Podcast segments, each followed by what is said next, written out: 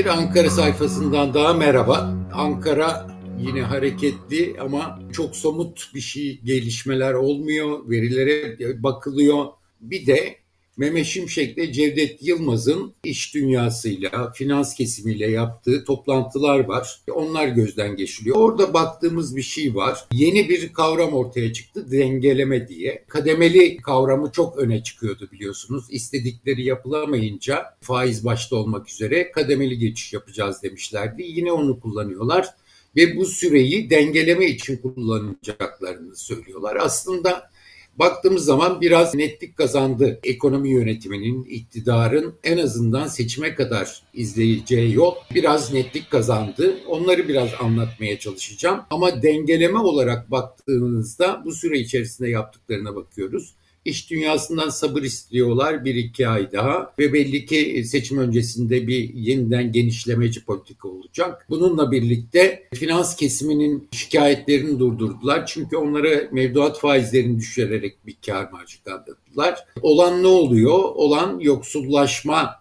ile halka oluyor. Her şeyden önce bunun altını tekrar tekrar çizmek gerekiyor. Vergi artışlarıyla, enflasyonla reel ücretleri geriletme yönünde gidiyorlar. Yani dengeleme dedikleri şeyin baktığınız zaman iç talebi daraltıp, yoksullaştırmayı arttırıp, e, satın alma gücünü azaltıp bu yolla bir dengelemeyi hedefliyorlar. Bununla birlikte orta vadeli program Eylül başında açıklanacak dediler. Orta vadeli programa ilişkin beklenti yaratıyorlar. Cumhurbaşkanı Erdoğan artık ekonomiyle ilgili konuşmuyor. Cevdet Yılmaz ve Mehmet Şimşek konuşuyor. İkisi de beklenti yönetimi yapmaya çalışıyorlar ve yapmaya çalıştıkları şey işte dengeleme kademeli diyerek zaman kazanmaya çalışmak, bir başka biçimde oyalamak. Ama bu oyalama ve zaman kazanma süreci tedirgin ediyor. Yabancıları da tedirgin ediyor. Moody's'in raporunda çok açıkça ortaya çıktı. Bir Naci Ağbal korkusu hala devam ediyor ve bu politikalardan,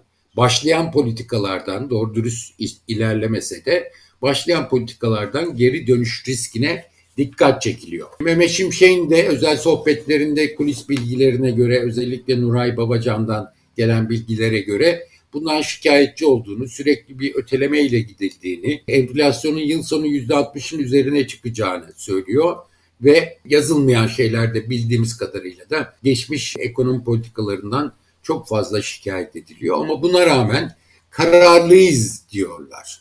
Bunu demek zorundalar. Bu politikalara devam edeceğiz, kararlıyız ama bize biraz zaman verin demeye çalışıyorlar.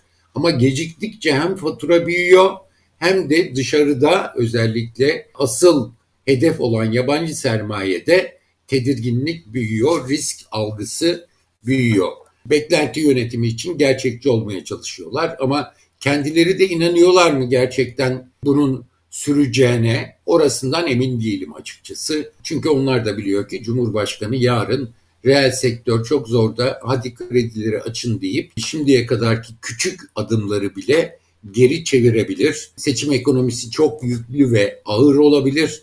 Öyle olduğu zaman da 2024 sonrasından çıkışta zor olabilir. Enflasyon çok yüksek gelecek gibi gözüküyor. Özellikle akaryakıt fiyatlarının artışlar devam ediyor. Ağustos ayı enflasyonu gelecek ve kurda döviz rezervlerinde özellikle göstermeye çalıştıkları kadar bir olumlu hava yok. Geçtiğimiz hafta içerisinde yine günlük 300-400 milyon dolar satış yaptılar. Rezervlerden satış yaptılar ve rezervlerin kritik olduğu çok açıkça gözüküyor. Bu da tabii riski büyüten unsurlardan biri oluyor. Hem büyüme oranlarının düşmesi hem rezervlerin azalmaya devam etmesi hem enflasyonun yükselmeye devam etmesi, yabancıların gözlemleri bunlarla birlikte zaten somut adımlar atılamazken iyice riske sokuyor gibi görünüyor. Baktığımız zaman yeni yönetimin oyun planı ne diye baktığımızda enflasyonla mücadele yok.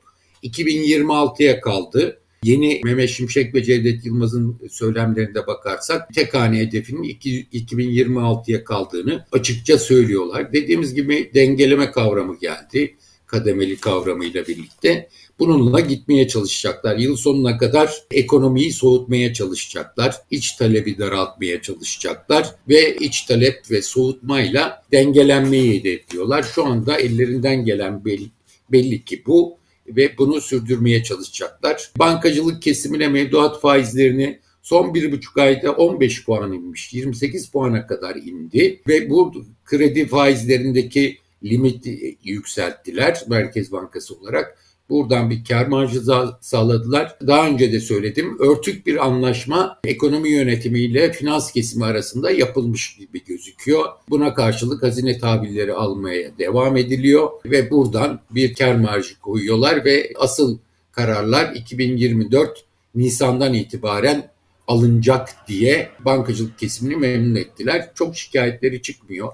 Reel kesimden şikayetler biraz geliyor. İTO Başkanı'nın bir açıklaması vardı. Onun, o da bankacılardan yakınıyor. Zaten kredi faizleri arttı. Üstüne komisyon alıyorlar. Artı vadesiz mevduat tutacağın şartı getiriyorlar. Bu bizi çok zorluyor diye. Yakında bunlar fazla tantana yapmadan bankacılık kesimiyle konuşulabilir. Öyle gözüküyor. Dediğim gibi reel sektöre idare et diyorlar. Cevdet Yılmaz sürekli bir buçuk iki ay diyor. Ekim ayı gibi kredilerin açılması belli ki hedefleniyor. Ama bu sadece ihracat kredileri, reskont kredileri ya da Merkez Bankası'nın yatak kredileri mi olacak? Orasından emin değiliz. Çünkü esnaftan da şikayetler geliyor. E benim tahminime göre Cumhurbaşkanı Erdoğan talimatıyla yine kamu bankalarında sermaye arttırımına gidilip buradan kamu bankalarının ucuz kredi vermesi özellikle esnafa ve bu yolla rahatlaması sağlanabilir diye düşünüyorum. Bu tabii ki Mehmet Şimşek ve Gaye Erkan'ın planlarını bozan bir şey olacak. Dengelenme dediğimiz gibi tek yönlü sadece yoksul kesimlerin sırtına binen bir dengelenme olacak belki seçimlere kadar. Seçimlerden sonra ne olacağı ise zaten radikal karar alırlarsa yeniden satın alma gücü ve yoksullaşmayı iyice arttıracaklar. Eskinin bir deyim vardı, geçen bir iktisatçı arkadaşım söylüyor. Seçimden sonra halkı limon gibi sıkacaklar gerçekten. Bu çok açıkça gözüküyor. Şimdiden bu kadar reel ücretleri azaltırıp eritmeye çalışırlarsa seçimden sonra. Zaten Korkut Hoca'nın dediği gibi şu anda uygulanan bir IMF adı konmadan IMF politikası bir de daha sonrasında olacak olan iyice zora sokacak olabilir. İç sermayeye dönük bir söz duymuyoruz. Orta vadeli programda mesela vergilendirme, vergi sisteminin değiştirilmesi, en son çıktığı İngiltere vergi sistemine dönülmesi gibi lafların konuşulduğu söyleniyor. Ama bu OEP'de yer alacak mı? Dolaylı vergilerin azaltılması yer alacak mı? Bütün bunlar göreceğiz. Orta vadeli programda seçimden önce ben sermayeden vergi alacağım türü bir şey olabilir mi? Ben pek sanmıyorum açıkçası. Zaten sınıfsal olarak tercihleri de zaten çok açık belli. Özellikle Cumhurbaşkanı'nın, Cumhurbaşkanı başkanlık sisteminden sonra iyice arttırdığı bir tercih var, siyasi tercih. Sermayeyi koruyarak olayı sürdürme şeyi. Dolayısıyla yoksullaşma ve halkın sırtına binen bir süreç yaşayacağız. Bu arada belli ki planladıkları şeyler içerisinde körfez sermayesi sonbahar gibi gelirse seçime kadar da buradan gelecek dövizle idare etmeye çalışacaklar. Ama buradan gelen haberler o kadar da parlak değil.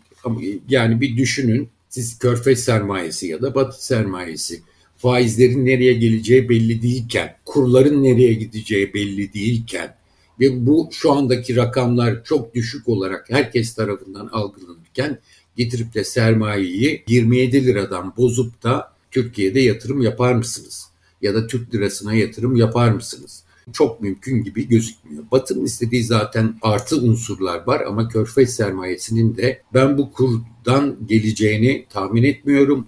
Bu faiz oranlarıyla geleceğini tahmin etmiyorum. O yüzden de sonbaharda bazı e, şeyler olsa bile adımlar atılsa bile körfez sermayesinden asıl olarak seçimden sonra olacağını düşünüyorum seçimden sonrasına ilişkin olarak da zaten bazı kitlerin hatta kamu bankalarının körfez sermayesine satılacağı lafları dolaşıyor ortalıkta. Bunu yapabilmeleri için de seçimi geçmesini beklemeleri gerekiyor. Çünkü Arap sermayesine örneğin Vakıf Bankı satacak olursanız bunun siyasi olarak olumsuz sonuçları olabilir.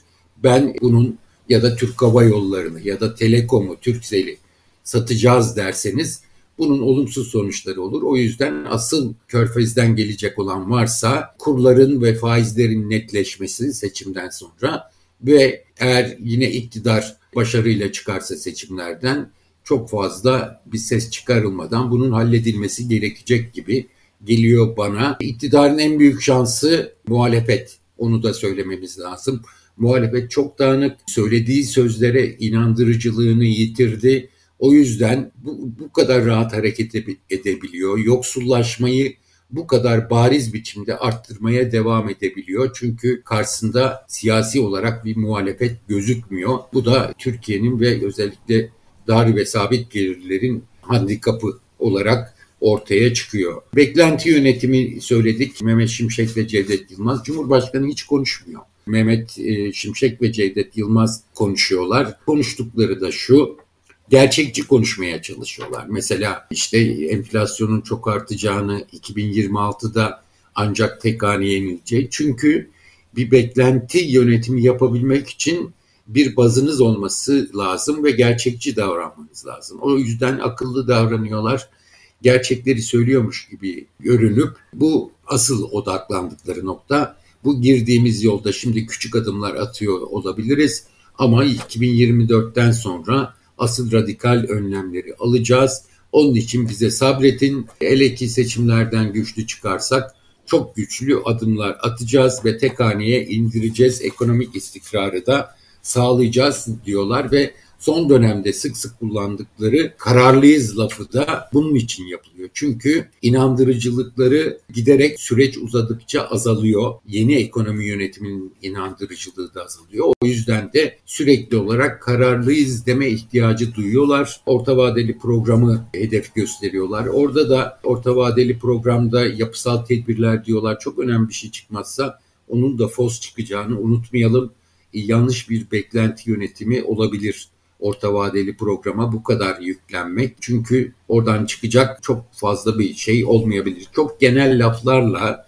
geçiştirilebilir. Yani Mehmet Şimşek'in ara sıra konuştuğu gibi işte istihdamda, üretimde yeni bir model, teşvik yeni bir model, işte vergi sistemi yeni bir model. Ama orta vadeli programda bunları söyleyip içini doldurmazlarsa hiçbir anlamı kalmaz. İşleri çok zor. Yeni ekonomi yönetiminin işleri çok zor. Çünkü geciktikçe kredibilite kaybı devam ediyor. Somut adım atamadılar ve hem yerli hem yabancı yatırımcılar artık somut adımlar görmek istiyor.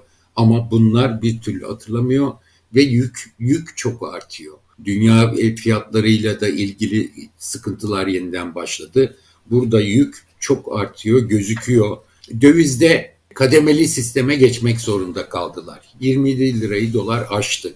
Şimdi Ankara'da konuşulan konulardan biri bundan sonra ne yapılacağı. Yine basamak olarak mı gidecekler? Şimdiye kadar sık sık uyguladıkları gibi. Yani bir miktar arttırıp kuru sonra belirli bir süre sabit tutarak sonra yeniden arttırarak mı gidecekler? Her arttırımda rakam aynı olmuyor arttırım rakamı ama yine böyle mi gidecekler? Yoksa bir ara denedikleri, seçimden önce denedikleri gibi devalüasyon kadar enflasyon. Daha çok 90'larda geçerli olan bir yöntemdi. Kurlarda nasıl gidecekler?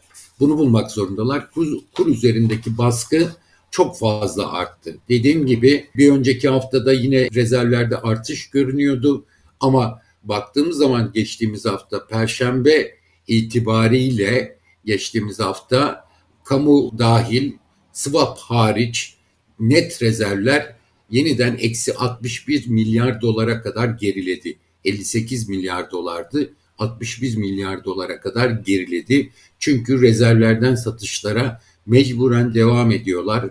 Turizm sezonu olmasına rağmen kurları tutamıyorlar.